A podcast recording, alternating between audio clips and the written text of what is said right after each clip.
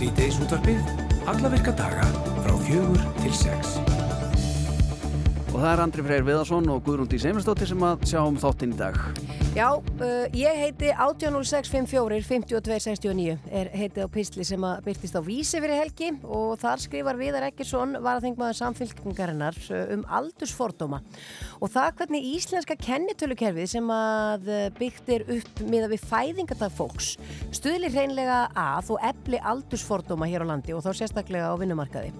Viðar ætlar að koma til okkar í, í þáttin og við ætlum að fara yfir þessi mál.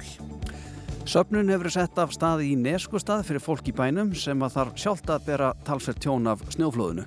Náttúru hamfara tryggingin eh, bætir ekki innbú nema þessi brunatritt og sérstaklega og bílar eh, þurfa að vera kaskótriðir. Við ringjum austur á eftir og heyrim í Guðmundi Hörskuldsinni sem að eh, er félagi í Rótari klúpi neskustadar en klúpurinn hefur stopnað söfnunarregning til að hjálpa fólki í bænum sem að þyrti annars að bera mikið tjón sjálft.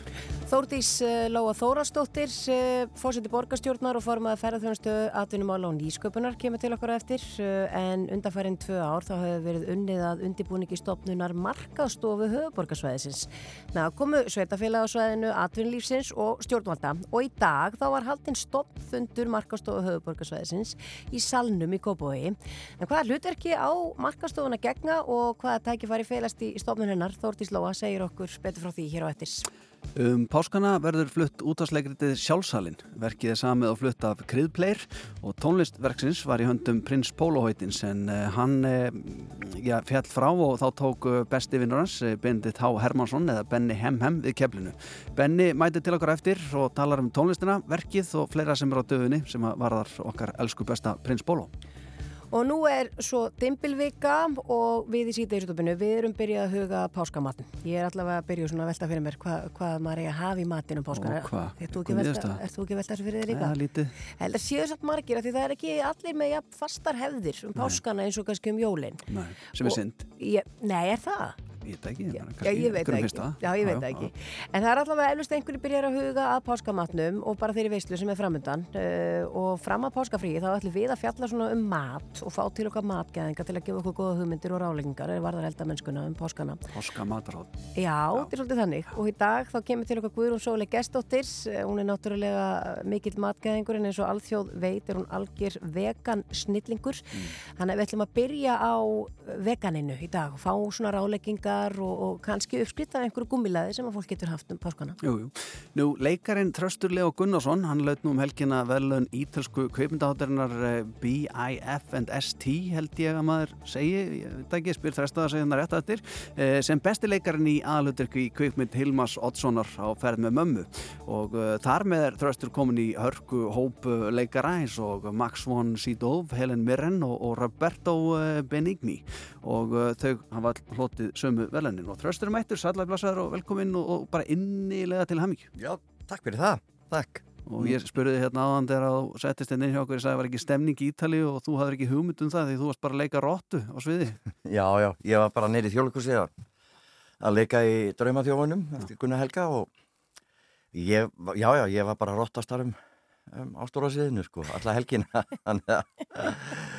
já, já, já, en ég var vissu sko, jú, jú, ég vissi að þau voru að núti sko en ég var ekkert að pæli neinu Og ertu, uh, varstu það, var, er, varst þú þá svona leikarinn sem varst að þakka fyrir því gegnum svona Skype eða? Já, já. það var svo hallarislegt að því ég, að því ég fæði að viti þetta á förstaskvöldinu þannig sko uh, eða hvort það var á lögataskvöldinu, nei, maður ekki mm. en, en hérna, já, förstaskvöldinu og það, veist, að gera svona vídeo eitthvað einnin í stofu þakka fyrir eitthvað sem ég veit ekkit hvað er. Og eitthvað svona og hérna var líka svo fyndið, ég var nefnilega hann í bara eini fyrra, var að fara til Albani og fór þaðan hérna. Og það var eiginlega sko mjög speð sko því að við lendum allstaðar á veggjum og fólki var svo dónalegt þarna úti. Og alls konar svona hlutir sko við vorum að reyna að komast í eitthvað finni eitthvað ferri og svona og ég alveg bölvaði þessu bara, bara eini, ég ætla aldrei þanga að ekki að allt vond sem kemur hérna og, og svo bara þegar ég sé nafnið þarna og ég býtti var þetta í bara einn Æ, þetta er alveg svona en bara, viðst, það er frábært, skiptir ekki máli en, Já, en já, já. En þetta var bara voða gaman. Og hérna og ég sendi þetta vídeo þarna. Já. og hérna, já, já. Hvert var, hvert var inntaki í þakkaræðinni? Þetta var óskup sko lítið og nett. Ég var bara, veist, náttúrulega taka Chris Björgu og, og þeim sem að, og Hilmari og þeim og náttúrulega hundinum, hún er drega Mm. sem að er náttúrulega æðislegur og, og hérna og ég var með hundin minn með mér á vídjóinu og, og hún stóð sér rosa vel og já. þannig að, Veist, já, já, þetta er bara svona plain eitthvað. Veistu til þess röstur hvort það séu velun tíðan fyrir svona dýr sem er að leika? Það er mikið að dýrum sem leika. Ég veit það nú ekki. Ætti það ekki að er? Það auðvitað ætti það að vera. Já. það er alveg, veist þetta er rosa, það var sko rosa mál að vera með hundin Já. ég, þetta, ég fór nokkur sinnum austur fyrir fjall að kíkja á hann og, og veist, aðeins Kynnastónum? og svona sko Já. Já. og svo eru þau bara ógeðslega góði vinnir sko. hann Já. gerði yfirleitt allt sem, að, Já. sem ég baða hann um Eru þið miklu samband í dag? Við hittumst nú á frumsýningunni já, Fagnaði hundir? já, já, já, hann var alveg Já. hann, var, bara, hann er svo lítill í sér og æðislegur hundur og, en svo var hann bara þegar við vorum búin að vera að taka í eitthvað 20 og eitthvað daga sko, þá var hann orðin svolítið leiður sko. Já, já. um leið og hann heyrði aksjón þá fór hann um bílsætinu sem hann átt að sitja í og niður á gólf Já, ég ég bara, Þreytur. hann nefndi þessu ekki sko. Nei, hann bara lærið hægðunar og verið vesen. já, þetta er bara aftur það sama sem ég var að gera á þann tíu sinnum En Elsku veist þú hvort, segir maður B-I-F-and-S-T eða hvað, Se- se- segir maður hvað ég veit ekki neitt sko. Nei. Nei, Nei. En veistu þá uh, hvað svona velun gera fyrir leikar eins og þig? Annað það kannski að fá plakk upp á vegg eða stitt? ég, nei, ekki hugmynd sko. Nei. þetta kannski breytir engu en bara, mér finnst þetta bara gaman og veist, já, já að því að, veginn, að því að þessi mynd er líka svolítið svona okkar verkefni, okkar hilmar sko við erum alltaf búin að vera með þetta í maganum í 28 ár frá því við byrjuðum að tala um þetta og, og svo alltaf eitthvað á ára, eitthvað ára fresti að henda mill okkar hugmyndum og svo hanga til að bara að við erum komið með handrit og svo bara sækjum að fá eitthvað styrk og og að gera þetta. Þannig að, að þetta var ógeðslega bara, mér fannst þetta gaman einhvern veginn þegar maður er búin að vera með allan tíman en því oft í bíó þá bara fær maður handritið og stundum ekki eins og æft og maður bara fer á sett og gerir það sem maður er beðin um að gera og, Mhm. en þarna er þetta einhvern veginn svona eitthvað stærra Já, pínu batnið þitt líka. já, Já. þetta er svolítið svona að því ég á náttúrulega líka eitthvað í handritun og svona og bara alls konar, þetta er bara svona samvinna að því við þekkjum alls svo vel, við erum búin að gera þrjár myndir saman sko Já. og hann að þetta var bara ógeðslega gaman og líka að vera fyrir vestan og En er þetta ekki, heldur þetta sé bara byrjunin á þessi myndi eftir að fara víðar? ég bara, ég öruglega sko að já, ég bara ég vona það að, eins og margir segja, þetta er alveg svona kvikmyndaháttíðamynd svona Já, já. Veist, og, og, bara, og líka það sem komir á óvart að því hún er svartkvít að fólk hefur bara sagt ég tók eins og eftir því Þau bara svona, og svo sagði ykkur, herðu ei, þetta var svo flott, því að kjóllin hjá Heru, hann var rauður og það bara ykkur, ha, já ég sá hann sem rauðan og alls konar svona skrítnir Já. og skemmtilegi hlutir sko, Já, geggjað. þannig að Leifur ímyndarnaflun að leysa lögum hala, lausum hala, hvað liti var það að minnst? já, við erum náttúrulega ekki, veist þetta er, já þetta bara, þú gleymir þessu á fyrstu Já. mínútonum En hvað hva er framöndan? Þú ert í drauma þjónum, hann Já. er nú að slá í gegn í, í þjóðleikusinu. Já, það er mikið stuð, Já. mikið stuð þar og hérna, Gaman að vera rotta. það er gátt að vera rotta Já, já, og hérna, já, já, og, og hérna, þetta er svolítið puð, þetta, þetta er, þú þurft að reyfa þig helling. já, ekki mikið við, sko, hann lípar át með, með dansana og gerði alveg ótrúlega flotta hluti og, og hérna, og við, ég og Örd, sko, við erum svona, þarna sem að erum svona leiðandi í gegnum leikriti, sko, og, og pist ef við byrjuðum, þá vorum við mikið að dansa, sko. Mm. En svo fór hann svona hægt og rólega að hlýfa okkur og við erum alveg svona, við erum mikið á röldinu. Og dill ykkur kannski. Já, svona aðeins með, sko. Já, já, Já, já. En ég, jó, eftir því þú ert með svart naglalaka, er þetta út af síningunni eða er þetta nýtt? já, þetta eru, allar rótturnar eru með. já, Já, já. akkurat. Það var mikið spurt um þetta, ég var að aðfenda eitthvað velun á, á ettunum daginn, kom beint af Já, úr leikursunu og, og glemdi þessum náttúrulega. Og það var allir voða mikið að Já. pæla í þessu hvað þetta væri eiginlega sko. Mist að faraði vel bara. mjög. Já. er það ekki? Jú. Ég finnst þetta svona já sem er svart hár náttúrulega líka já, já, en þá mm. Æmitt, æmitt bara geggjað. En aftur til hamingju með velunin Þröstur Leo og takk fyrir að koma til okkur takk fyrir mig Síðdegis útvarpið. Ekki slæmur félagskapur það. Frá fjögur til sex á Rástfö.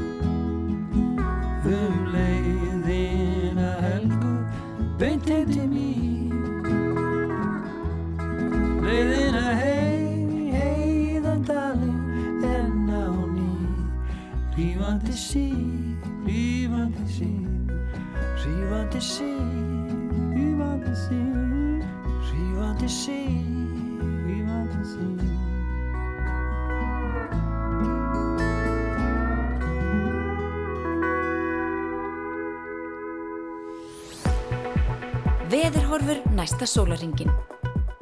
Þá ætlum við að kíkja á veðurhorfur næsta sólaringin og uh, við erum að tala hérna um suðaustan 10-23 metra á sekundu hvassast á sunnaveru landinu, rigningum uh, sunnan og vestanvertlandi og, og talsverð suðaustan til.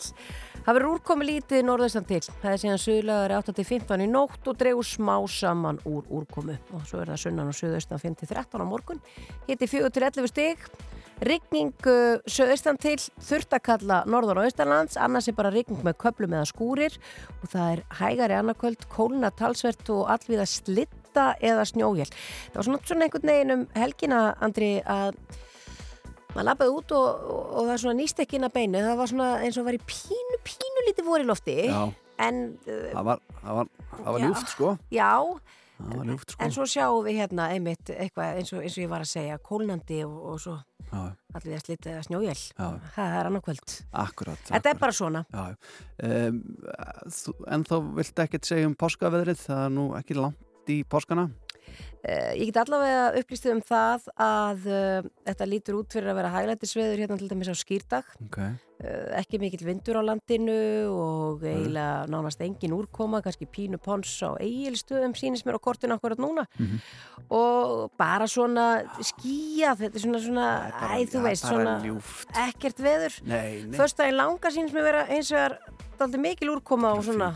já. en, en þetta er líka föstudaginn langi. Er það ekki dagur já, það er náttúrulega dagur sem við eigum pínu að, að bara liggja inni og, og ég ekki skammast okkar en, en Já, já, mástu það, föstudaginn langi var alltaf graf alvarlegu dagur og er það náttúrulega, þetta er hræðilegu dagur.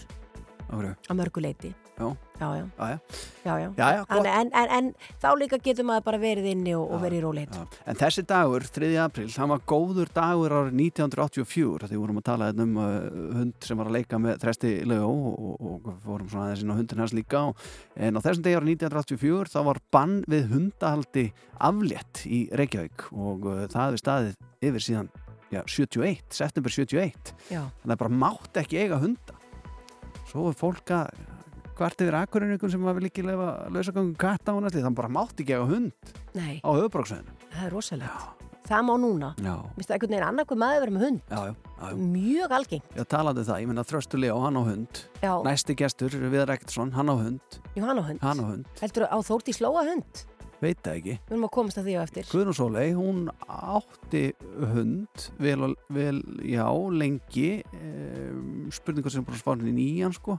já, þetta er allt hundafólk sko. annarkum maður, það er bara, það er meira en það sko. miklu allavega meira, miklu meira sko. meira en það hérna í hlutalli gesta hjá okkur Já, við skulum spyrja Viðar Ekkertsson hérna eftir út í þetta hvort hann muni eftir þessum degi þegar hundahaldi já, var allt hérna leift í Reykjavík en hér er Macy Gray I Try, þetta er þetta lag svo fyrir að spjalla með hann Viðar Ekkertsson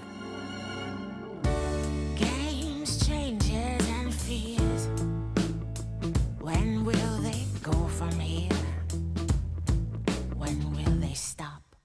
I believe that fate has brought us here, and we should be together, babe. But we're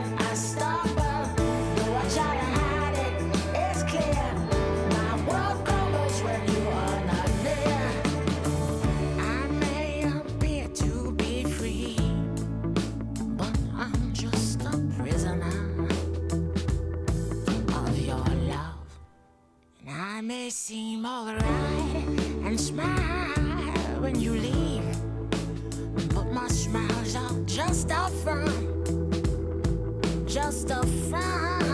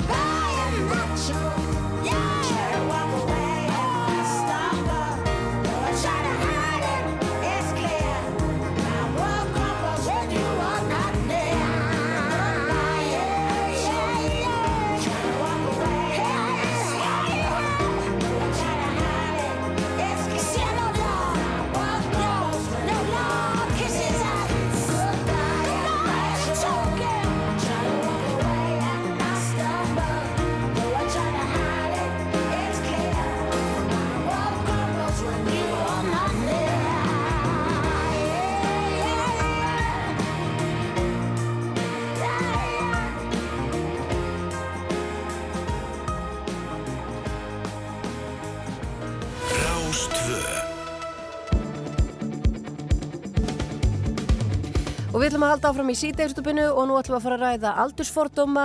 Uh, ég heiti 1806545269 er heiti á písli sem að byrtist á vísi fyrir helgi. Og þar skrifar Viðar Eggersson var að þingmaða samfélkingarinnar um aldursfordóma og það hvernig íslenska kennitölukerfið sem að byggtir upp með að við fæðingadag fólks stuðlir hreinlega að og efli aldursfordóma hér á landi.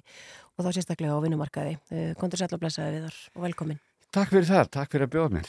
Já, þetta var já, bara áhrifamikill pistill sem að uh, ég las á, á, á vísi og við lásum á vísi. Það sem að þú ert að, já, svona aðeins bara að setja út á í fyrsta lagi þetta kennitölukerfi, hvernig það er byggt upp hjá okkur og svo, já, þessa aldursfordóma, jafnvel eldra fólk sé með fordóma fyrir sjálfum sér.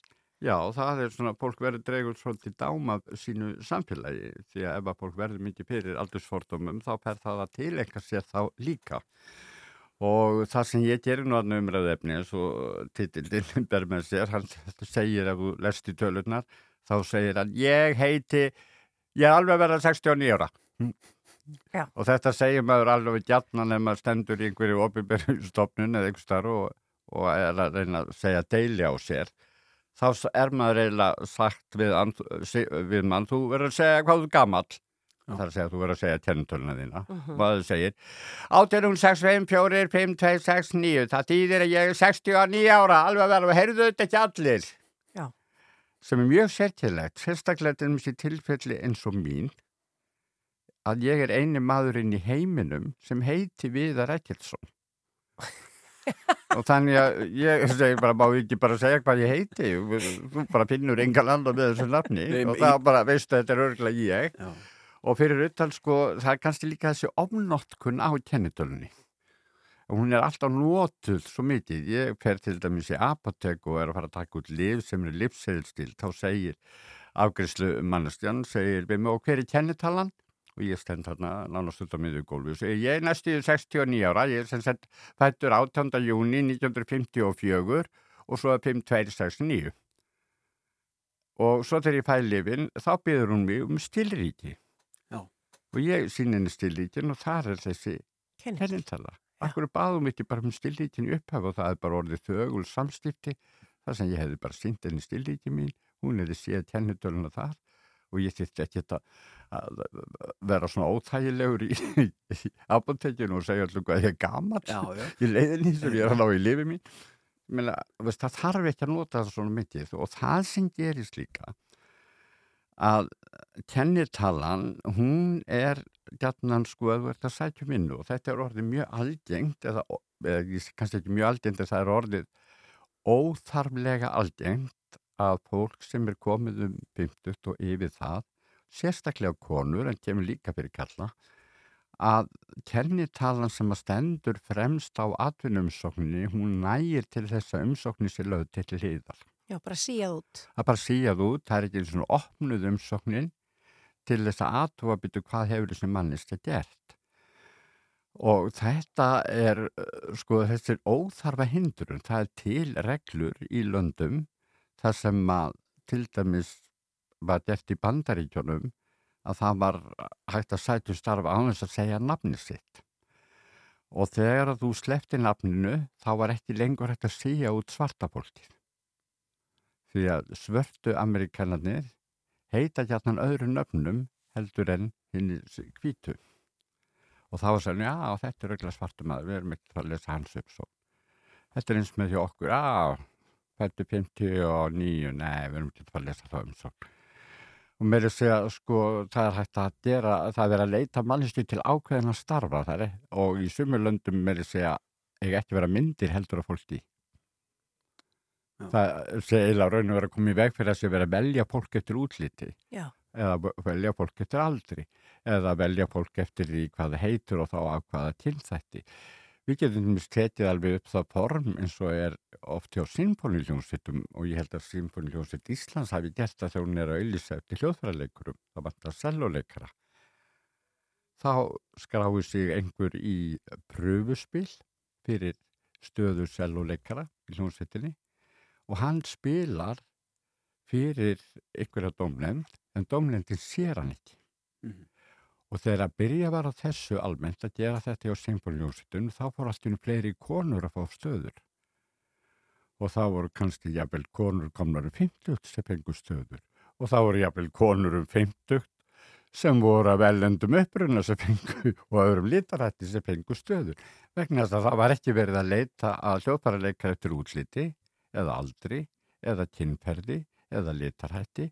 Það var verið að leita eftir góðum hljóðfæraleikar Já. og þá spilar hann á bakvið tjald og domnindi sér aldrei hljóðfæraleikana sem er að spila heldur þarf að velja bara eftir hvað hversu góður hljóðfæraleikari var Já. og þá skiptir hitt engum máli passar hann í þessa stöðu Já, þetta góður hljóðfæraleikari og þess vegna gæta gesta bara miðaldra kona blökku kannski jafnvel múslimi og kannski ekkert fall, sérlega falleg en maður svona frábær hljóðfæraleikari og passar í stöðuna en ég meina, eh, þú bendir á það þarna í þessari grein, eða Já. svona ert að tala um það, við gætum jafnvel verið með einhvern veginn öðruvísi kennitölu kerfi, við þyrftum ekki endilega að miða það við fæðingadag. Nei, þetta er bara þetta er bara ákveðin hugmynd að að búa til kennitölukerfi. Það er þetta að búa til kennitölukerfi sem að kemur ekkert fæðingar árið eða fæðingadegi við. Við hefðum geta alveg tekið upp gömlu nafnúmerin okkar sem minnir að hafa verið átta tölustafir, þetta eru tíu tölustafir í dag og bætt bara einhverjum tveimu tölustafum við eftir einhverju ákveðinu kerfi. Því að það þarf ekki að koma fram í kennitölu hvað þú ert gamall. Þetta er bara til að aðgreina eina personu frá annari eins og ég er svo heppin að vera eini maður sem heiti Viðar Ekkilsson í heiminum. Sem er ótrúlegt. Já, sem er bara einn tótt og er ekki, eins og í Kína og viti hvað margir miljardar búið í. Kína hefur engum tótt í hug að stýra barnið sitt. Viðar Ekkilsson í Kína. En er þetta, erum við með svona eitthvað kennitölu fasisma? Að því að ég veit ekki til þess að í öðrum löndum sé eh, kennitala notu svona óskaplega Nei, mikið. ég held þetta að sé sko, það eru til land sem byggja þetta upp, uh, ég held að er byggt upp en það eru allt brjálað ef, ef eitthvað þýtt að gala upp í opinberu svæði hvað hann er gamal Uss. eða nota kennitöluna. Já. Við, við, við notum að þetta er bara eins og ég var að lýsa um ferðin í apotekið. Mhm. Mannestjar sem að tala svo að sjá stilríkin og sér þar kennitöluna og þarf ekki að spyrja og byggja mann að segja upphátt kennitöluna fyrst Já. Maður getur bara stýnt henni strax stilríkin og það er bara svona þögul, þögul samtal á milli. Já. Ef við viljum haldi þetta kennitölukerfi þá þurfum við allavega að fara aðeins að bremsa okkur hvernig við notum það. Já. Og það er ekkit lögmála ef ykkur mannista er að sætja um starfa, hún þurfi endilega að segja hvað hún er gömul. Mhm. Við erum að leita kannski, eins og ég var að lýsa með symfóljónsitunar, við erum að leita hæfileikum og ég veit þess dæmi, ég gerði hérna útastátt fyrir nokkrum árum ára á seitt þar sem ég talaði við mann af ellendum uppruna sem fór og læriði sem fluttinga til lands og, og fór sér að læra lögfræði. Og hann var bæðara kominu miðan aldur þegar hann kláraði lögfræðin á mið og hann var þetta ellendum uppruna en hann talaði íslensku. Og hann gekk mjög erfilega á að vinnu. Og það var mér svo auðlist þetta starfi þar sem að hans reynsla, bæði fyrir reynsla en hann fór í lögfræðin á mið og hans sérgrein í lögfræðinni passaði mjög vel við en það var búið íta umsorgnin til hliðar að því út að bæði þetta kennitölu og nafni Mhm. að því hétt útlensku nafni Einmitt. og svo gat hann svona, vildi kannski ekki segja mig hvernig það fór að því en hann gat laumað umsorgnin sinni aftur í bunkan og hann endaði með að fá stöðuna því að það var loksins lesið Já. hvað maðurinn hafði fram að færa Einmitt. og þá fekk hann lókum starfið Já. ekki út af kennitölun heldur vegna þess hvað hann kunni og gat Já. Viðar, eh, sko, nú ertu búin að eh, svona gefa eh, svona gefi skinn að þú ert háaldraða maður og hérna manns tímar að tvenna við vorum Ég var að, að lesa stíslu einmitt í dag Já. um hérna mig og vökkustofna sem ég var á þar sem ég var að fá loksins bara barnavendanemnd Já. upplýsingar og þar var talað um móðu mín að hún gæti ekki sett okkur tvíburanna til móðu sinna til að vera fjörun gömul kona og ég fór að tóka hvað þessi amma mín var gömul þessi fjörun gamla kona hún var sem sagt sex árum yngri en ég er núna. Já, akkur, þarna sér við vorum að tala um að, að á þessum degi ára 1984, þú ert nú mikill hundamaður Já, Eh, Það var eh, bann við hundahaldi í Reykjavík Já. aflétt og var búið í gangi sem 71 mannst eftir þessu, það voru einhver hundar í, í í Ég Reykjavík? man eftir því að voru einhver hundar í Reykjavík og ég man eftir þessari frægu ljósmynd sem áilega segja hafi breytt öllu. Það var ljósmynd af lauruglumanni, lauruglu þjóni, svona fallegt, lörglustjón. Lörglustjón í þessum svona búninga sem þau voru í, þessum svörtu búning með svona jólasveinabelti um sig miðja og kastitti og svona axlapúða og mjög flotti búningar. Hann er, held, að, það er sem sagt, hann heldur í hund og annar lörglustjón alveg eins klættur í svona enginsbúningi er með riffil og er að stjóta hundi. Ah, þá var þetta hundur sem hafði, einhver hafði lo- vogað sér að vera með á heimili já. og það var vo- mjög erfitt að, að vera með hund á heimili í, í ólifi. Og hann hafði sloppið út hundurinn. Mhm. og þá var bara samkvæmt lauruglu samtidig Reykjavíkur þá mátti bara stjóta þann hunda bara ef hann næðist og þarna hafði þessi vesalins hundur náðust og þarna bara stóð maður með riffil og var að stjóta hundin og það náðist mynd af þessu og var síndi eða sem byrti einhverju dagblæði Mhm. vakalega sterk mynd og þannig að segja hvað fréttamyndi geta verið sterkar en ég held að umræðan hafi farið á flug Eftir eftir þetta Já. Já. Sem betur fyrr. Já. sem betur fer, ég átti ekki hund á þessum árum en það átti eiginlega engin hund á þessum árum sem bjó í þjafbíli eða Reykjavík en ég egnaði svo hund síðar hann Dracula litla sem að, sko, þegar ég egnaðist hann það var einhvern tíma rétt eftir, að- rétt eftir aldamótin. Þá bara hugsaði við að hvað ertu búin að vera að gera allt þitt líf? Já, þú þarft að eiga hund. Akkur egnaðistu ekki hund fyrr? Þetta er sem svo hlustar á þig. indislegt og þess vegna er svo sorglegt, fyrstu vorum að tala um eldra fólk og aldursforduma það er til fólk sem að á engan betri vin en hundin sinn Mhm. eða köttin sinn. Fullorði fólk sem að býr eitt og það þarf kannski bara að stifta um húsnæði vegna aðstæðina að það ræður ekki lengur við að búa í sínu húsnæði að þá er það logandi hrætt við að fara í annað húsnæði og fá ekki að taka besta vinin sinn með sér Gæludýrið, já. Og það er svo sorglega þegar fólk við þetta stilja við gælutýri nú er ég komin að sprengja tíman Já, þú ert löngu búin að. Já, þú ert löngu búin að því. Viðar, En- farðin út á viðraða hundiðin. Já, en þetta, við, er, við þurfum öll að taka okkur á og varandi þessa aldursfordóma og, og við að þurfum að að gera það og við þurfum að hugsa áður en við segjum byrju, hverju þarf ég endal að byggja um kennitöluna Já, Hvað, hvað, hvað máli skiptir hún? Mjög- Hver ertu? Hvað kantu? Hvað viltu gera? Já. Hvað hefur þú fram að bjóða sem að er eftirsóknarverð? Þú ert frábær, ég veist því. Viðar Eggersson, til takk fyrir komuna í síðdeist við og gangið vil í dag. Hér er lægið besta útgáðan af mér. Undir niðri hamast hjarta mitt verða hemja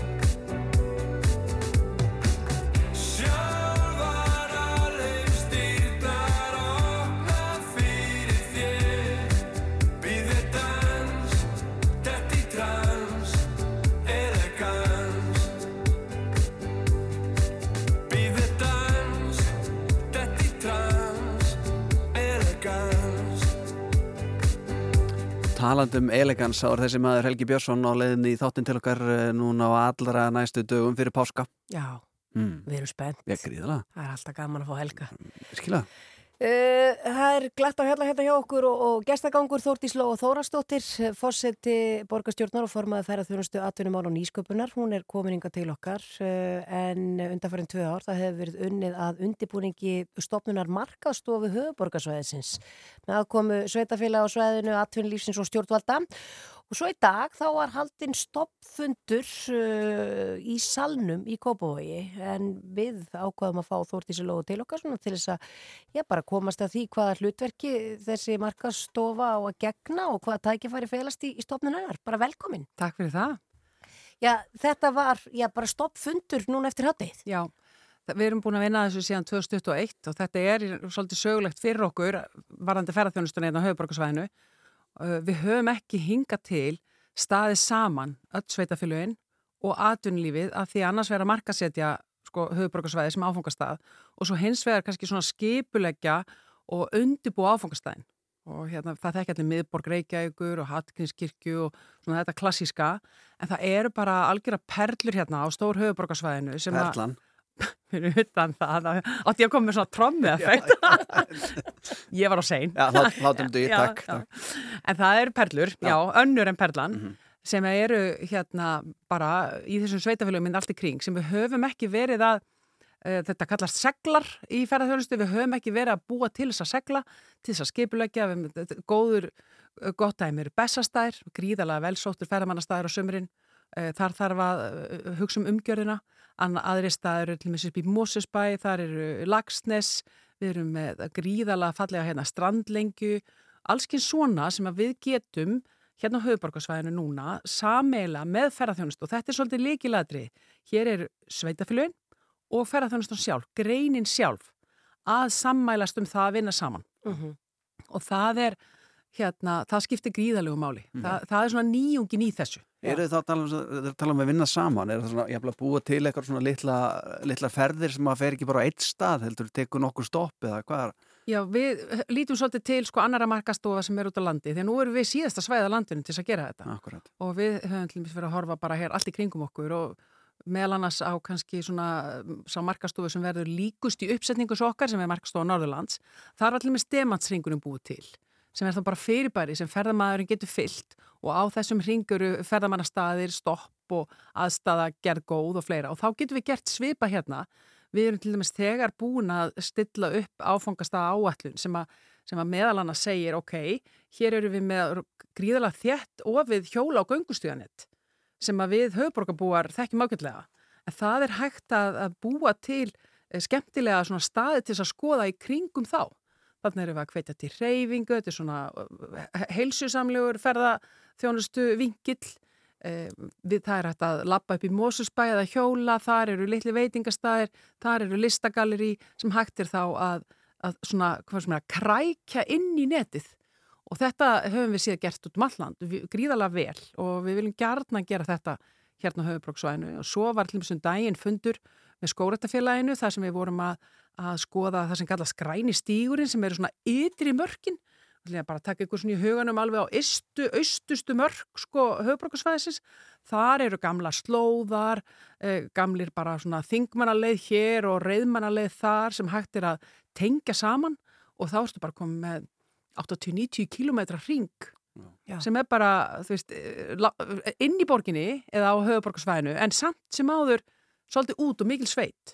En mun þetta ekki líka efla einhvern veginn þá eins og uh, já, hinn byggðalögin sem eru þá ekki í Reykjavík, heldur nákvæmlega byggðalögin eins og Garðabæ og Kópavó og Hafnafjörg kannski í hóteluppbyggingum og svona, dreifa þá jafnvel ferðamennunum enn frekar. Nákvæmlega og þetta er tekjumyndandi fyrir sveitafélögin. Eh, Við erum að sjá gríðarlega mikla uppbyggingu á ferðarþjónustu núna þegar bara kásnisu, kásnisunu sem er mjög áhugaverð og bara þróun undanfæri fimm ár sem er bara svona risaskref í, í rauninni að breyta heilu hverfi í mögulega mannlífs og ferðarþjónustu hverfi í framtíðinni. Það eru mikil tæki fyrir hafnafyrði líka og hafnafjörður hefur verið svona eitt af þessum sveitafjörðum hefur sett fóks ná ferðarþjónustu í gegnum tíðina og svona, við þekkjum Álfabæinn og Hraunið og það er það er margt sem hægt er að vinna með og þessi litlu konsept, ef ég má sletta því inn, það er eitthvað sem að þessi áfangastaða og markastofa getur tekið og leikið sér með, en þá er það alltaf í takt við ferðarþjónustuna. Þetta er ekki bara einhverju ofnbæri aðilar að dansa einhver dans, heldur er hann alltaf með uh, greininni sjálfri. Mhm. Það skiptir miklu máli. Já, hérna. Þannig að það er nóg framöndan á ykkur að uh, fara svona að, að herma eftir landsbyðinu og reyna að gera þetta svolítið almennilega og þetta hljóma bara vel og, og ég, ég er sjálfur til í að fara í þessa uh, þetta í huganum alveg austustu brún sko, ég er alveg til í að fara þálið sjálfur. Er það ekki? Jú, ekki Já. spurning. Göngustafi og. Já, það eru spennandi tíma framöndar og mikil tækifæri svo. Þórdís Lóa Þórhaldsdóttir, fórseti borgarstjórnar og formaði ferðarþjónustu atvinnumál og nýsköpunar. Takk fyrir komuna og, og gangi ykkur vel. Takk fyrir það. Á leiðinni heim. Síðdeisútvarfið. Frá fjögur til sex á Rástvö. Jolene, Jolene, Jolene. I'm begging of you, please don't take my man. Jolene, Jolene, Jolene, Jolene. Please don't take him just because you can. Your beauty is beyond compare with flaming locks of auburn hair, of emerald green. Your smile is like a breath of spring, your voice is soft like summer rain, and I cannot compete with you, Jolene. He talks about you in his sleep, and there's nothing I can do to keep from crying when he calls your name, Jolene. And I can easily understand how you could easily take my man, but you don't know what he means to me, Jolene. Jolene, Jolene, Jolene, Jolene. I'm begging of you, please don't take my man. Jolene, Jolene, Jolene, Jolene. Please don't take him just because you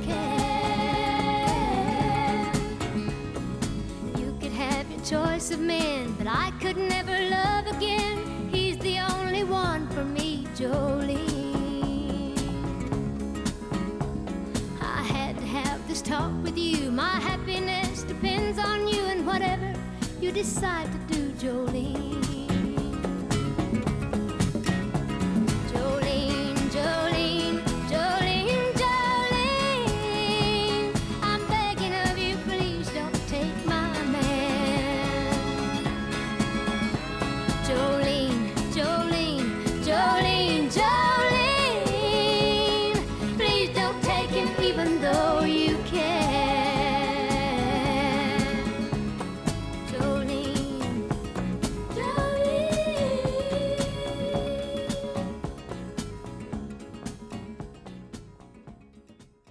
Þetta er Dolly Parton og lag sem heitir Jolene og uh, já, það fær nú að styttast í uh, frettir frá okkar í hlýru frettastofu en uh, við höldum svo áfram eftir frettir að sjálfsögðu og uh, ætlum að gera ímislegt. Já, við ætlum að gera ímislegt. Við ætlum að ringja uh, austur uh, í neysku stað hérna á eftir. Byrja á því allavega. Já, já, já. Svo ætlum við að ræða Benna Hemhem.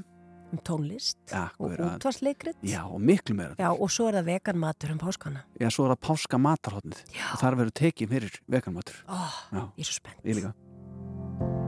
ekkert að sjá þótt þú setjist upp á soldið á ská en það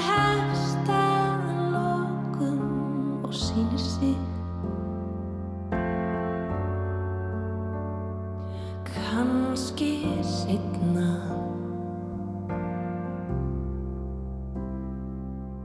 þú veist ekki hvað En þú situr áfram á sama stað.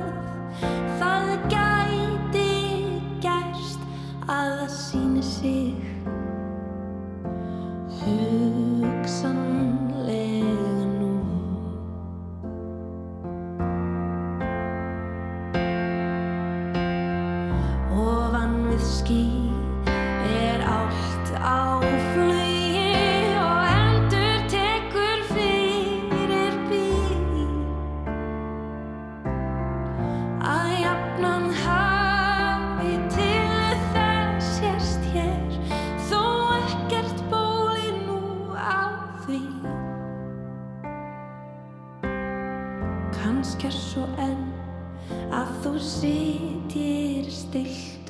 stiltur því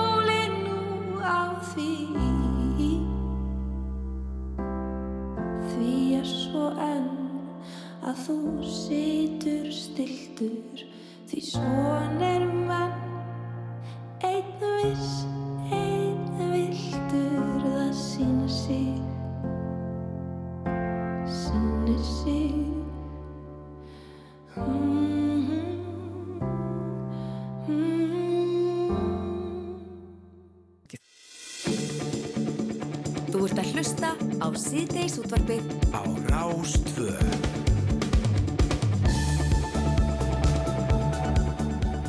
Söfnun hefur verið sett að stað í nesköpstað fyrir fólk í bænum sem að þar sjálft að bera talsveit tjón eftir snjóflóðin. Náttúru hamfaratrygging eh, bætir ekki innbú nema sé bruna tryggt sérstaklega og bílar uh, þurftu að vera kaskotryggðir og við erum komin í, í samband við mann sem að heiti Guðmundur Höskuldsson. Hann er félagi í Rótari klubin Eskustadars uh, en klúburinn hefur stopnað söfnunarreikning til þess að hjálpa fólk í bænum. Kondur sætt að blessaði Guðmundur? Já, komdu sæl. Uh, þú uh, og þið uh, félagarnir í Rótari klubin Eskustadar já, hafið uh, rundið að stað söpnun en það náttúrulega stendur þetta mál ykkur vantarlega mjög nærri? Jú, jú, það gerir það náttúrulega, það er náttúrulega allir bæja búa sem sína þessu fólki sem að lendir í, flóðinu mikið samhug og svona hugmyndir poppa náttúrulega upp út um allan bæ en svo koma bara einhvern veginn í okkar hlut að íta þessu af stað og stopna til söfnunar Já. og hún er núna komin á stað búið að, að stopna reikning og fólk er byrjað að, að gefa í söfnunina.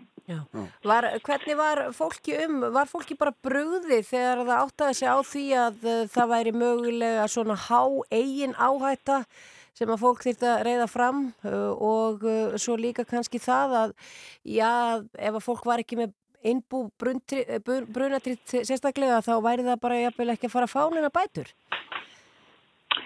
Já, eðlilega er fólki brúð við, við einhvern veginn, hefur maður hefur ekki lengt í svona aðstæðum áður, einhvern veginn, einhvern veginn gengur maður bara út frá því að við séum treyð fyrir því tjónu sem við lendum í þegar að náttúru handvarir eiga sér stað. En svo þegar að fólk fyrir að skoða þetta, þá er það ekki tilfellið þó að sé verið að bæta þetta að miklu leiti. En þá er margir sem að, sem að fara, fara illa út úr þessu fjárháslega og það er bara ekkert ekkert sangjandi viðbót við það tjón sem að fólk verður fyrir bara, það handlega tjón sem fólk verður fyrir. Þannig að þessin erum við nú að, að, að hérna að reyna að hjálpa undir þessu fólki. Já, hafið ykkur hugmyndum uh, já, hvað ykkur vantar mikið nör? Ég veist, ef við, ef við tökum bara þessar tíu íbúið sem að eru óíbúðahæfar, ef við tökum bara tjón á þeim, bara sem sagt lámarstryggingu sem að er er á hver, hverja íbúð, það er að segja bæði hús, hústjón og innbúðatrygging, þá er það 600.000 krónur á, á hverja íbúð. Og síðan eru allir þeir bílar, eru á, á þriðja tjók bíla sem að tjónast í, í flóðinu, sumir hverjir í kasko, þá er kasko tryggi, þá er hérna eigin algjörn í, í kringum 200.000 og, og hérna sumir bílar náttúrulega bara alls ekki tryggðir. Fólk, fólk hættir að tryggja bílarna sína þegar þeir eru orðni kannski stæðar á bílinu 5-10 ára gamlir og, og, og finnst, finnst það bara ekki takkar því. Þá sýttur fólk bara uppi með tjónið á sínu bíl og það bara fjárfesta í nýju bíl. Þannig að síðan náttúrulega ef við ætlum að fara að tala um fjárhagslegt tjón þess að fólk sem að lendir vest í þessu þá er þarf það líka að verða sér út um annað húsnæði til bráðabíla og þannig að þetta eru, þetta eru fullt af tölum sem týnast hér og þar en, en, en hérna en við erum fyrst, fyrst, og, fremst að reyna að, að reyna að kofera þetta, þetta fjárhagslega tjón. Við getum ekki ekki kofera annað tjón sem fólk verður fyrir heldur en það Já, þannig að þið, það mun þá bara kannski ráðast af því hversu hári upphæði náið að sapna um, þá hversu marga, já það mörgum þið náið að aðstofa til dæmi sem að áttu bíla sem voru ekki tryggðir og svo framvegis. Já, já, það kemur algjörlega í ljós sko. Ég, ég, hérna, ég, ég ætla að leifa mér að, að gera ráð fyrir því að, að við náum að sapna fyrir þessum, þessum sjálfsábyrðum á íbúrúsnum sem er auðvitað nummer 1, 2 og 3 að því þetta eru margar, margar af þessum fjölskyldum eru barnafjölskyldi sem búa í þessum húsum. Og hérna, þetta verður þeim öruglega erfitt en En síðan kemur bara í ljós hversu vel gengur, hversu, hversu mikið við getum aðstofa, aðstofa fólk. Já. Já. Og til þess að svo verði þá þarf, já, þurfa sem flestir að, að eh, smetla sér inn á fjersbókarsíðu sem heitir, eða viðburð sem heitir Mart Smátt gerir eitt stórt rótari klúpur neskustadar efnir til söfnunar og uh, leggja sér þetta mörgum. Já, og endilega ef þið, ef þið finnir viðbörðin endilega dreifðu honu sem þannig að, þannig að, þannig að fólk sem að, hérna, hefur áhuga í að styrkja þetta mm -hmm. eigi greiða leið. Akkurat, akkurat. Við sittum hann bara hér undir eins á fjersbókarsíður ása 2 og sjáum hvort það hjálp ekki eitthvað. Já, takk kærlega fyrir það. Það hjálpar allt. Já, Guðmundur Höskulsson, við bara sendum bestu kveðjur og baróttu kveðjur austur og gangi ykkur vel með þetta. Það er takk ykkur kærlega fyrir.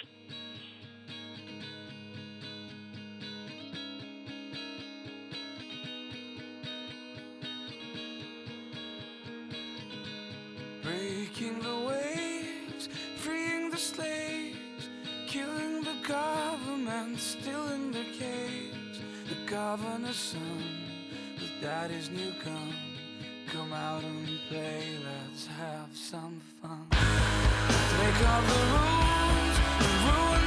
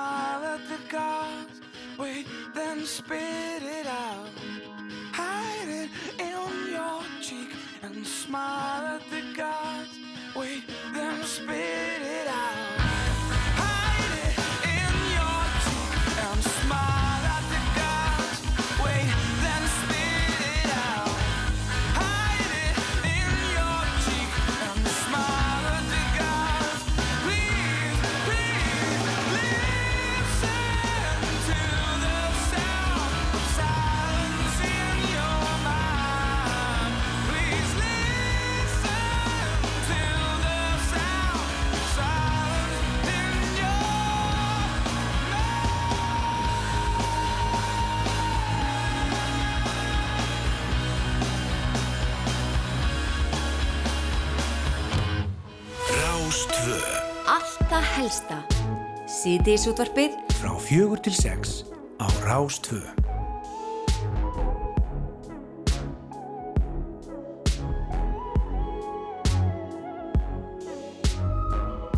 find a ways to articulate the feeling I'm going through. I just can't say I don't love you. Cause I love you. It's hard for me to communicate the thoughts that I hold. But tonight I'm gonna let you know. Let me tell the truth. Baby, let me tell the truth. Yeah, you know what I'm thinking. See it in your eyes. You hate that you want me. Hate it when you cry. You're scared to be lonely, especially in the night.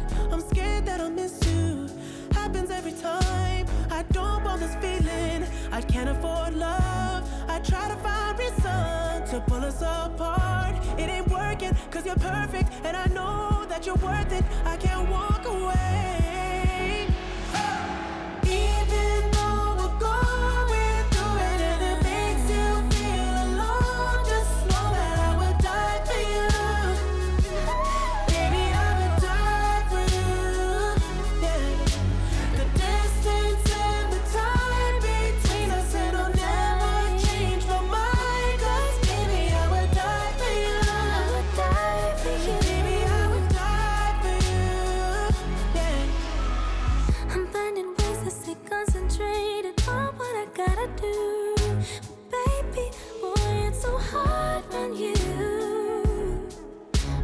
I'm blaming you.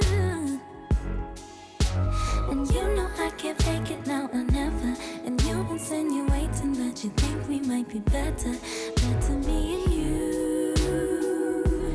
Yeah, I know you do. You know what I'm thinking. See it in your eyes. You hate that you want me. Hate it when you cry. It ain't working, cause you're perfect. And I know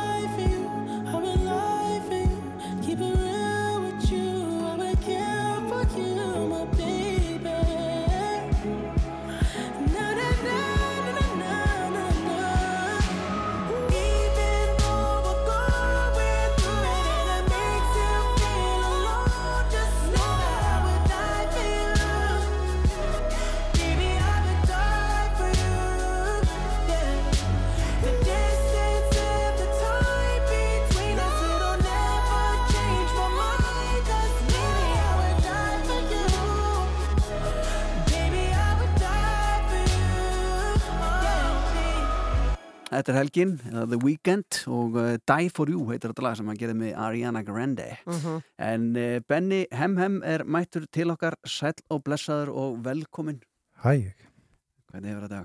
bara fínt en þið. Er eitthvað sviðskrekkur í þig núna? Því að það styttist í uh, leiksýningur endar í útvarpi þar sem þú uh, svo nært með puttana í, í, í, verkinu Já. Já, nei, engin sviðs skrekkur sko. Þetta er mjög örugt umhverfi og lítið stress. Ok, ok Sko, segð okkur hans frá tilur þinni í þessu verki sem tónskáld Já, um, ég náttúrulega kom fyrst að verkum Kriðbleis uh, sem leikari Já. uh, og var að leika sjálfa mig eftir samt, sí, símtal sem ég átti við Átna Viljánsson sem að hann saði mér ekki að væri fyrir útastleikritið og, og svo skrifaði hann allt það samtal upp og, og svo þurftu að taka það upp eins og við værum að það í skipti. Ha, hann var hann að skrifa símtalið ykkar upp? Já, hann ringdi í mig og spurði hvort ég geti retta honum stað til að spila á seyðisfyrði Já. og hérna og þetta var svona frekar vandræðalegt og því að ég endi eiginlega ekki að gera það og, og hérna og hann var líka stillaði þannig upp að þetta væri svona frekar ómögulegt og hérna og svona vesen og, og eitthvað. Og hérna, svo heyrði ég alltaf svona eitthvað svona klikk hún var að skrifa eitthvað, ég bara, þetta, er þetta að skrifa á meðan erum við að tala saman? Eða? og hérna, nei, nei, nei, nei, nei hérna, og ég held svo bara áfram. Og svo hérna talaði mér setna og sagði mér að hann hefði verið að búa til atriði fyrir útastleikriti með þessu símtali og, og spurði hvort ég var til í að leika þetta aftur. Þetta er gott. Mjög fyndið en rosalega erfitt að leika sjálfan sig Já, sérstaklega sko eftir á þú veist átt að leika það sem þú varst að segja áður. Já. Hvort var það vandrarlega símtalið sjálft eða að leika það aftur? uh, sko, já, það har örugglega verið raunverulega vandræðilega raunverulega símtalið, sko. Já. Já. En hitt var svona meiri svona áskorun og, og þegar ég hef enga svona tæknilega kunnáttu sem leikari. Nei. En, en ég meina þetta verk heitir Sjálfsalinn. Já. Getur þú sagt okkur eitthvað svona aðeins Það er, meira? það er nýja verki sko, það, það er ekki þess Það er ekki Benni þetta, að. Benni er- Benni er með músikin þarna. Já, það hérna kom þannig til að sko Svavar Pétur Eistisson, uh, vinnur okkar, hann hérna, hann var aðdáðandi númer eitt, aðdáðandi kriblers hópsins og var yfirleitt með leikritið þeirra bara rullandi bara allan á sér syng. Hann var bara stanslöst að hlusta á þetta. Já. Og hérna og þarna var sagt, komið að því að, að hann fengi að gera tónlistina og hérna og svo er þetta eitt af því sem uh, hann náði ekki að gera og hérna og þeir báðu mig um að gera þetta og hérna já og svona stundið erum að gera tónlist þá hérna eh, kemur hún bara svona mjög árenslu löst uh, maður þarf einhvern veginn ekki að hafa neitt fyrir neina og, þe og þessi tónlist var doldið þannig og, og mér finnst svona svo að Pétur vera smá með í þessu sko. Mhm. þetta er okkur svona mest prins Pólo mesta prins Pólo tónlist sem ég hef gert. Já, magnað. Og uh, þannig að þú ert komin sko af leikarastallinum í skóna sem átt að vera Svafa Péturs Mhm. og gerir músikina fyrir þetta verk sjálfsalinn sem að kriðpleir flyttur uh, um páskana á uh, sýstu stöðu okkar að móðurstöðinni rás Já, 1. móður, Já, móður, já, verðum við ekki já, að segja já, móðurstöðinni, já. jú, jú. Og hvað svo? Verður svo framald að þeir í hóknum? Ertu ekki bara að festa í sessi þarna? Ég ætla bara að vona það það er, það er Peningar í fátt- rosa mikill peningur og, hérna, og svo er bara fátt skemmtilegra en að hanga með þessum hópi Já, já. Uh, og, og já, mann kennst líka að því að, að, hérna, að það er raunverulega engin munur á þeim og í, í raunveruleikanum og í leikritunum Já. Já. Uh, sem er Það er svolítið skemmtilegt. það er mjög skemmtilegt Já. Já. Það er, já, þú veist, það er svona stegsmunur Já. það er engin eðlismunur sko. Já. Er, hefur þú áður verið að sísla eða ekki í svona tónlist fyrir leikrit eða bíó eða eitthvað svolítið? Já, eitthvað smá sko en, hérna já, mest í leikhúsi um, en útast leikriti er, er svona einn minn einn af mínum svona uppáhaldsmiðlum sko. Mhm. ég hef meira sér gert eitt útastleikrit sjálfur. Já, hérna niðri? Nei, bara heima sko. Já. sem að hérna sem að ég var einmitt að reyna að finna um daginn en það er bara glatað. Já, Já, er, ég meina, útvarsleikrit, þetta er náttúrulega eitthvað sem að bara mikið hérna einu sinni. Já, ég var bara hillunni á ömmu það var bara full hilla bara af útvarsleikum sko, tók upp á kassettur sko. Já. En meina, er þetta ekki ennþá bara daldi heitt form og gaman að þessu? Jú, ég held að þetta sé bara á, á uppleið ef, ef eitthvað er sko. Já. Þetta er, er hérna ótrúlega spennandi form. svo mikla tengingar hérna, sko, vorum við viðar ekkert svona áðan henni stólnum sem þú sittur í, sko, hann Já. alltaf sko fyrrum, sko, útvarsleikússtjórin, sko, Mhm, einmitt. og nú ert þú komin sem þetta svona eitthvað neginn að fara upp stigan, sko, hægt og rólega, en mjög öruglega, hér ég, búin að búa til verk sjálfur, búin að leika, komin í músíkina, búin að allt að prófa gera þetta allt, allt. Já, þetta er magna. Eh, við myndumst hérna á Svavar Pétur Eistinsson eða Prins Pólo eins og hann nú oftast kallaður og uh, hann átti nú að gera tónlistina í þessu verki. Og það er, já, margt á döfunni sem að uh, varðar Svavar og til dæmis, uh, já, eru tónleikar, stór tónleikar, það eru ammælis tónleikar hans á, á næsta leiti. Já, já, það hérna mm, var, varði hérna svona umræðefni hjá hópnum sem að hittist aldrei í, í tengslu við útföruna hans og svona að, að hérna að við þyrftum að einhvern tíman að gera eitthvað, einhverja tónleika með öllu fólkinu sem að hann spilaði með og hljómsveitónu sem hann var í og svona og hérna svo er þetta allt svo mikið bara svona kvatvist framkvæmda fólk að, að hérna það var bara, var bara strax hendið það sko Já. og og frekar fljótlega beigði, þetta frá einhverju svona minningartónleikum yfir í svona amalisparti Mhm.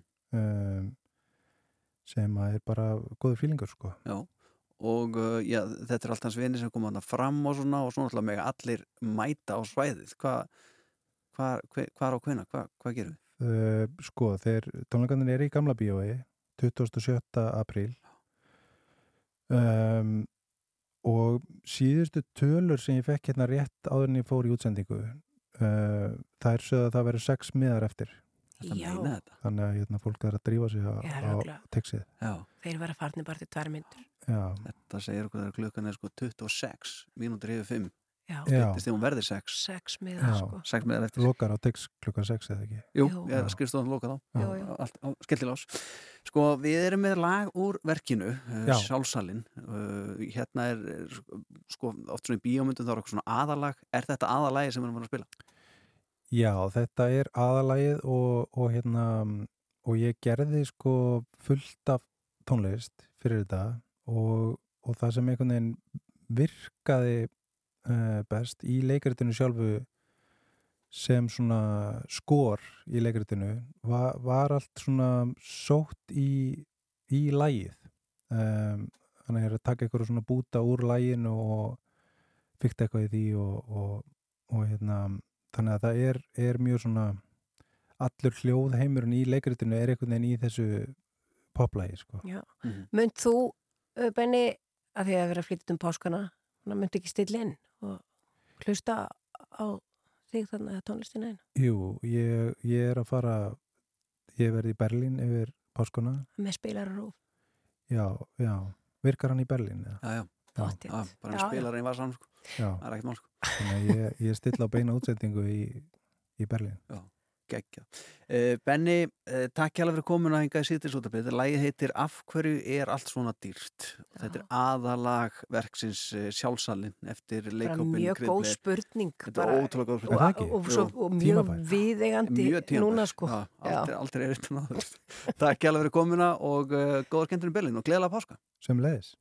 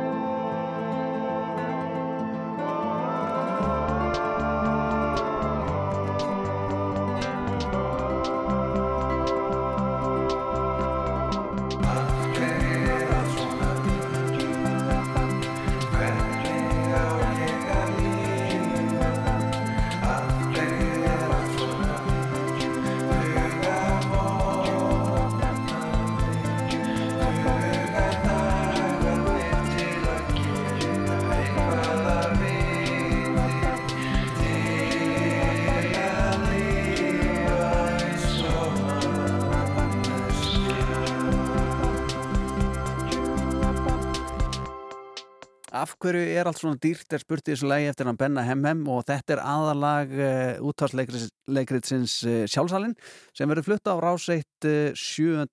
april sem er vist förstu dagurinn langi.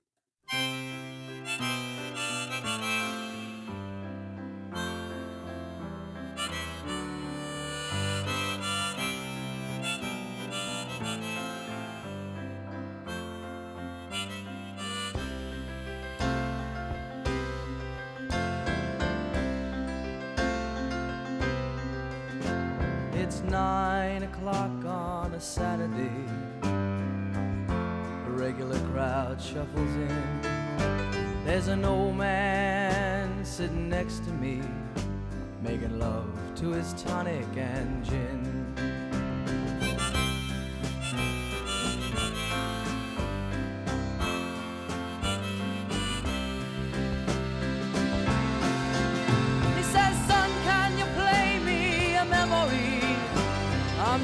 Really sure how it goes,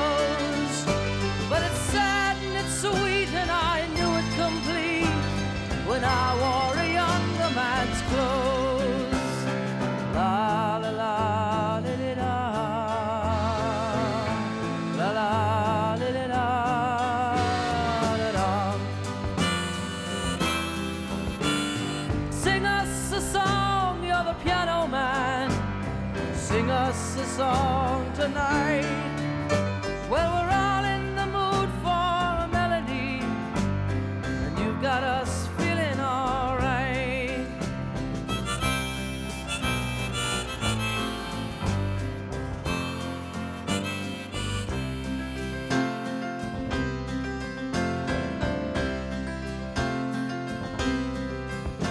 Now, John at the bar is a friend of mine. Free. And he's quick with a joke or to light up your smoke. But there's some place that he'd rather be.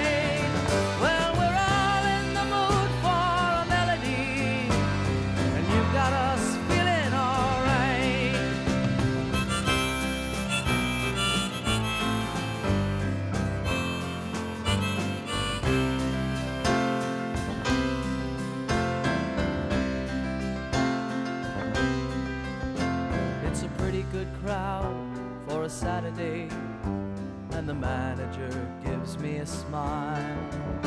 Cause he knows that it's me they've been coming to see to forget about life for a while. And the piano it sounds like a carnival, and the microphone smells like a beer.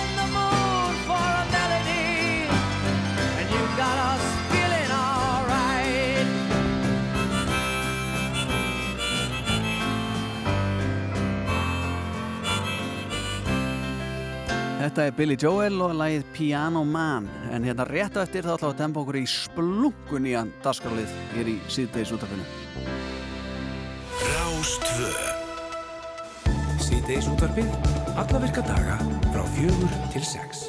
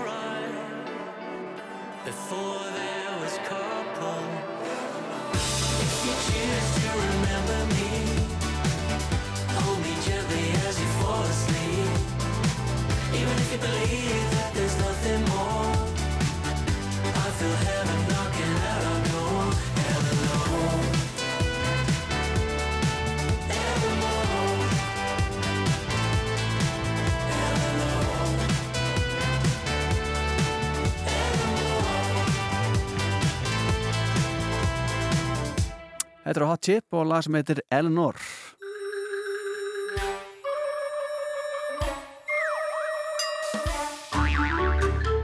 En þá er komið að splungun í en dagskalið hérna í sýttisótarpinu sem heitir Páskamaturinn og uh, þetta er uh, þryggja þáttaliður, þetta er í dag, þetta er á morgun, þetta er á hinn Já, já. og við ætlum að byrja þetta svona á grænkjærafæðinu og, og fara bara alla leið, við ætlum að fara bara í vegan matinn og uh, hún er uh, í mörg ári verið ansi áberandi uh, svona talskona vegan mats hefur gaman að tala um vegan mat að minnst og borðan líka og gerir fátt annað Og hún er, hún er, hún er, me- var hún ekki metsölu höfundur Akkurat. af bara matrislu-bók. Akkurat, því má ekki gleyma. Þetta er rithöfundurinn eh, Guðrún Sóli Gerstóttir sem mættir eitthvað sæl og blessa og velkomin. Sælverði, mikið fæði fallega enginningu. Ég heiður þessu. Já, gott að eira. eh, sko, áðurum fyrir mig í öskutuna sjálfa, þá hefur ofta að velta fyrir okkur henni í, í síðdeisóttarfinu með páskaskrautið. Eh, ert þú einn þeirra sem að eh, blæst úr eggjum og, og uh, setur túlipannin og gulukertin og... Sko ég hef páskaskreiti, ég blæs lítið úr ekkjum, en hérna ég Já, tek... já, ég ekki hef-. Já, mér finnst það ekki passa, sko. Nei, nei, Hún Það nei. er náttúrulega bara því vitið Já, að já, já. maður verður að hemmja sig í þessu, ég leifi mér ekki taka páskaskreiti fram fyrir í februar. Já. En þá fyrir ég að taka, sækja fyrstu kassana upp á hálófti. Og hérna, en svo byrja ég að hlusta páskalögin í mars. Já. Og svo bara verður maður einhvern veginn að temmi þetta er svo ofsalega skemmtilega hátíð, þannig að mér er svo gaman að setja upp þú veist, eitt skraut svona dag, leifa mér já, kannski já, þú veist, eitthvað skemmtilegt E- annað upp og skreita allt með páskaungum og súkuleðegjum og þetta allt. Já. Þetta er hátíð sem maður á svolítið að, að mjölka. Og svo þeir eru búin að vera að skreita allan daginn og einhvern veginn og hlusta á músikina, páskalögin og, og þá fer páskamynd í tækið eh, Já, um kvöldið. maður verður að horfa á einhverja indislega páskamynd, það er alltaf bara svo, það er valkviða gagvar þeim, sko. Akkurat. En hérna, en mér er alltaf gaman að horfa á nýja páskamynd á hverju ári Mhm. með fjölskyldunni. Mhm. Af því að þú veist, það er þessu stundi sem maður á einhvern veginn sérstaklega úr æsku, þið vitið, að horfa á páskamynd með pappa og mömmu. Það, það er ekkert eins og þetta, þetta er hlýjustu minningarnir, það er bara þannig. Ég fæ að vera með ekki.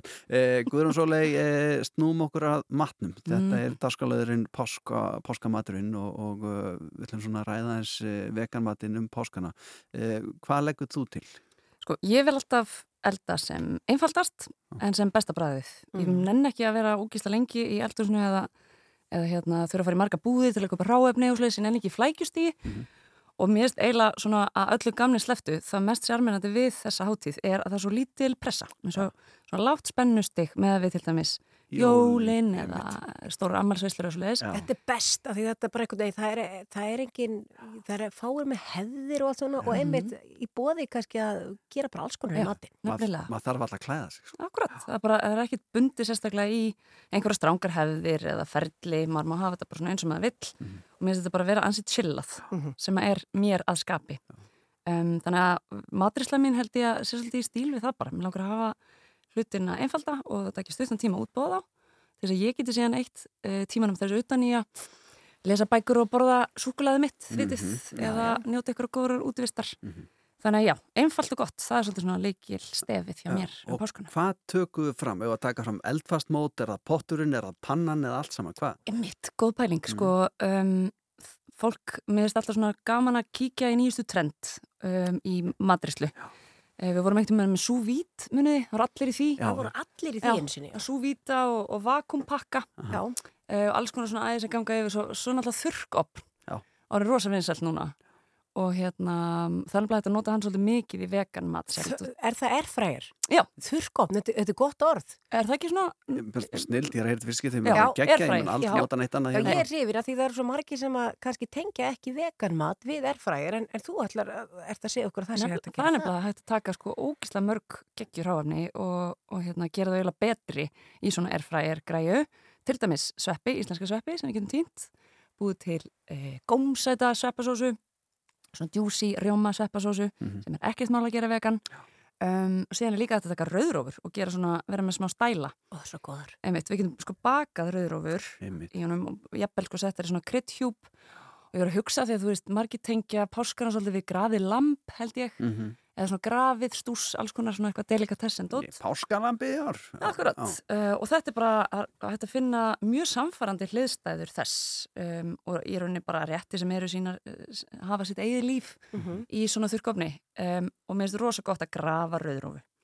Það er svona smá bast, Já, þú veist, og ég, er, ég byrjaði þetta á því að segja ég vilja látt flækjustig, Já. en það er alveg smá vesen svo sem að búa þetta til, en kannski finnst einhverjum að viss hugleiðsla að elda og nostra við eitthvað svona. Ertu þá að taka bara venjul, eða þessi drauðrófu sem er ekkert búið að vinna eða má líka taka svona einhverjar, það eru alveg til já, ég vinn þá með ráu rauðrófunar bara Ok. og setar inn í setar inn í opna svona 50-60 gráður og svo leifir maður þessu bara að dehydratast, þurrkast e, rosa lengi þannig að maður fái svona þá áferð sem maður vill Mhm. um, það er gott að hugsa þetta kannski í svona eins og carpaccio sneiðum, einhver svona mjúk og góðu eða svona stökku utan og lyktin líka sem að mun fylla húsið, það, hún verður góð af Mm, þessu nefnilega, nákvæmlega, það er svona hátíðalegt sem kemur svolítið með þessu og það er líka hægt að gera þetta í velnum opni e, tekur kannski bara aðeins lengri tíma Já, ég hef oft gert einmitt skorið niður svona rauðróf og setti bara með kartöflum eða gullutum Mhm. og hendin í upp sko. Nákvæmlega. Svo getur maður að grafa þetta í hvaða krytti sem er.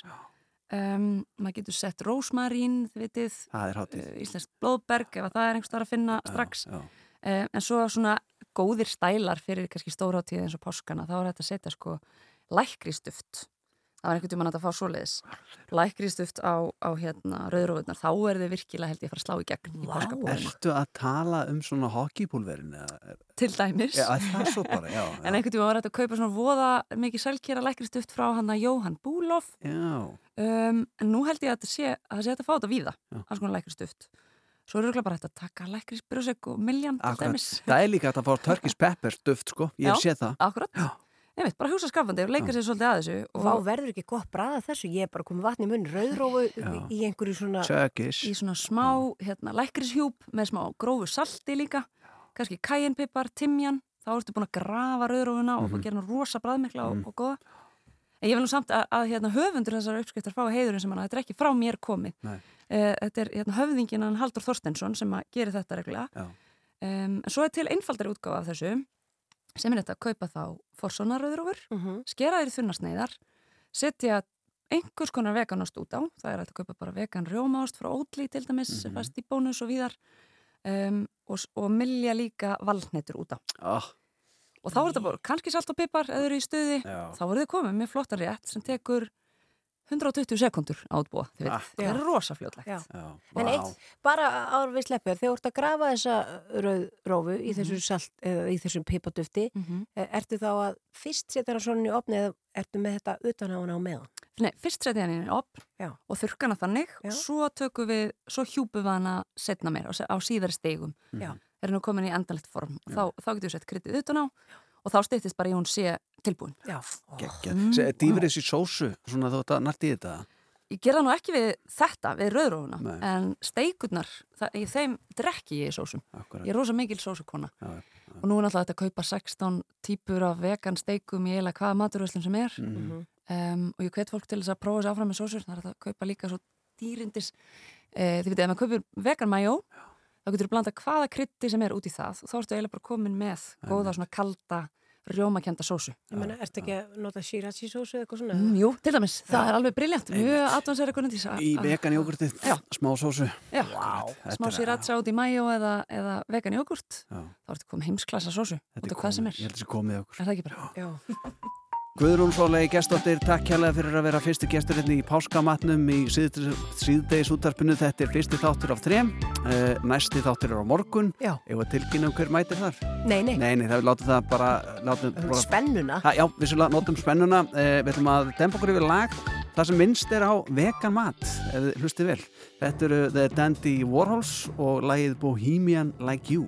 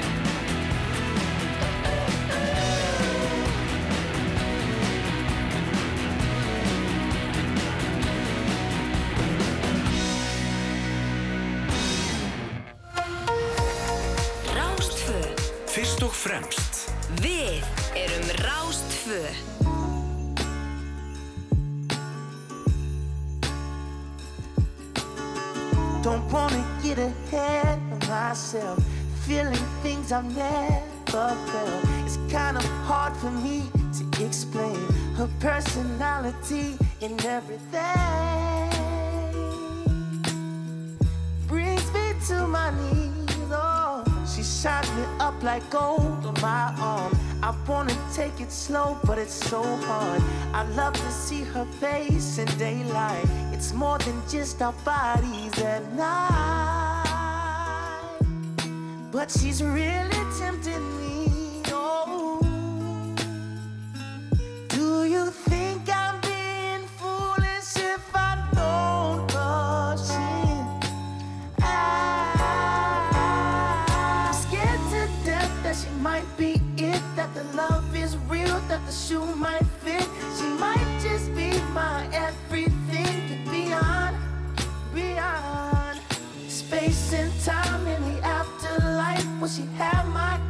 Will she be my wife? She might just be my everything and beyond. I wanna bring her round to meet ya. I think you like a Candelina. I know that grandma would have loved her like she was her own. She makes me feel at home.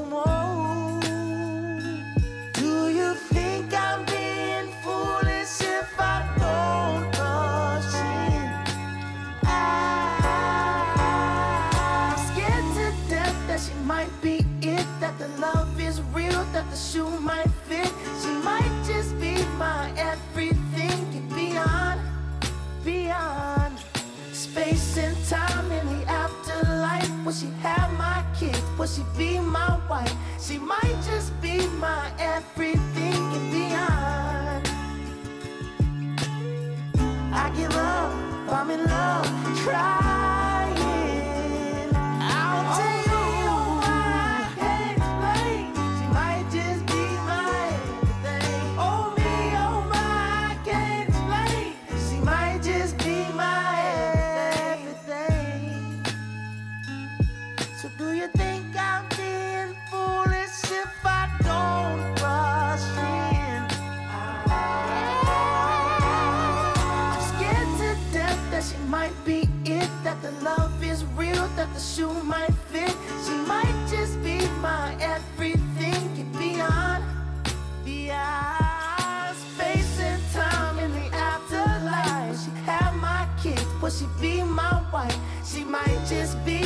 Everything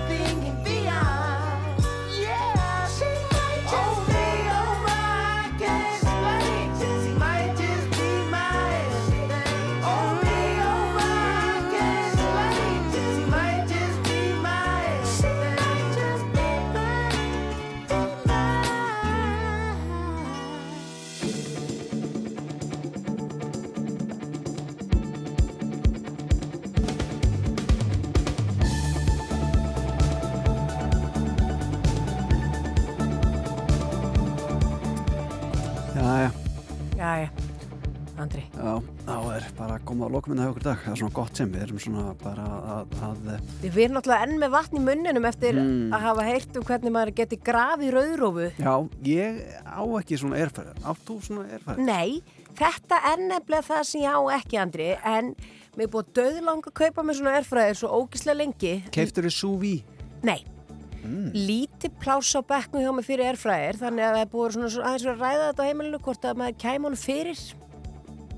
Ég hef séð svona erfræðir, þetta er bara eins og tvær mjölkufennur, þetta er ekki mikið stærn en það. Jú, þú getur fengið náttúrulega fyrir eftir hvort þú fáið þryggja lítra, eða fimm lítra sjö lítra Já, ég skil. og að þetta er eftir fjölskyldustær hvað þú þart, þú til dæmis að þú vilt koma heilum Já. kjúklingi svo við tölum um Ég eitthvað allt annað rauðrófuna Einmitt, og þart alveg tölverðan frægir í það Ég sá þennan heima á vinnu mínu sem býr eitt, sko. Já. að- Já. Já, nei, það er líka bara, en svo Já, er fullkomið að eiga þetta til þess að, uh, já, til dæmis bara gera alltaf geggjaða franskar og, og, bara lítinn. Já, hann reyndi að gera franska fyrir mig, það voru ekkert svakalega góður. Ég það brauði ekki? með það, já. En svo náttúrulega ferðar eftir, eftir hvernig tegundir þetta eru og annað stíkt, sko. Pappi fann að loftsteikja ansi margt, já, já. Hendur bara fiskinni í þetta og... Nei, nei, eh, bara svona Var það ekki bara harfisk? kjúklugur og franskur og svona, já, já. já, þetta var ægilega gott Vá. Þetta er, ég held að þetta sé kunst en ég hef verið aðeins rög við að fara að prófa mig áfram í þessu En er þetta ekki bara, fer þetta ekki bara upp í sumu hilli og, og súví potturinn? Eflaust hjá einhverjum Já. En svo var ég einmitt þarna líka, að- ég sagði hann við um daginn Mér langaði svo að kaupa svona dumplings Já, Þar er einmitt talað um utan og dumplings umbúðunum einmitt. að maður þyrti helst að erfræða þá Ha. og ég á ekki erfræðir þannig að ég hef ekki enn geta kipt með dumplings En ég er alveg viss um það að þegar sko menn í Asju eða fólk í Asju var að byrja að gera dumplings. Þá var enginn með erfræðir ég er alveg, einhvern veginn ég held það. Ég, og ég held að það sé alveg hægt að gera þetta án þess að vera með erfræðir og ef þú fer að svona dumpling staði í útlöndum sko Já, ég held að það sé enginn erfræðir í gangi hérna bak við sko. Nei, örgulega ekki. En menn vilja að síðan meina að sé erfræðir þetta sé náttúrulega meinholt það sé ekki svona, þú ert ekki dýfis í olju og, og er steikja ólíða svona svakalega óholl? Er ekki bara eftir hvernig ólíða þetta nota Ég held að sé kannski ekki dróð svo gott fyrir gransaðarnar í þeirra að, að steikja allt upp úr massa mikill olju, sko. Vir, virgin olive oil.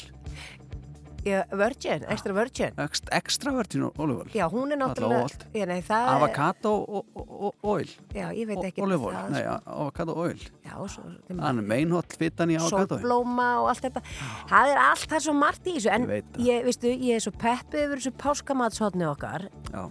að ég, býðið bara eftir hvað kemur á morgun sko. Já, já. býðið já, bara. eða hinn. Við erum búin að ágræða vegamatinn. Já, og við förum í það er ekkit banna að tala eitthvað pínu Nei, eitthvað ef einhver vill en, en Nei, nei. já, já, en við erum eftir, að- við erum eftir að fjalla svo margt annað. Ég veit að það er nefnilega málið sko. en uh, við erum kannski svona uh, já við skulum býða með að segja þetta fólki hver kemur á morgun já, það er nefnilega ég spennist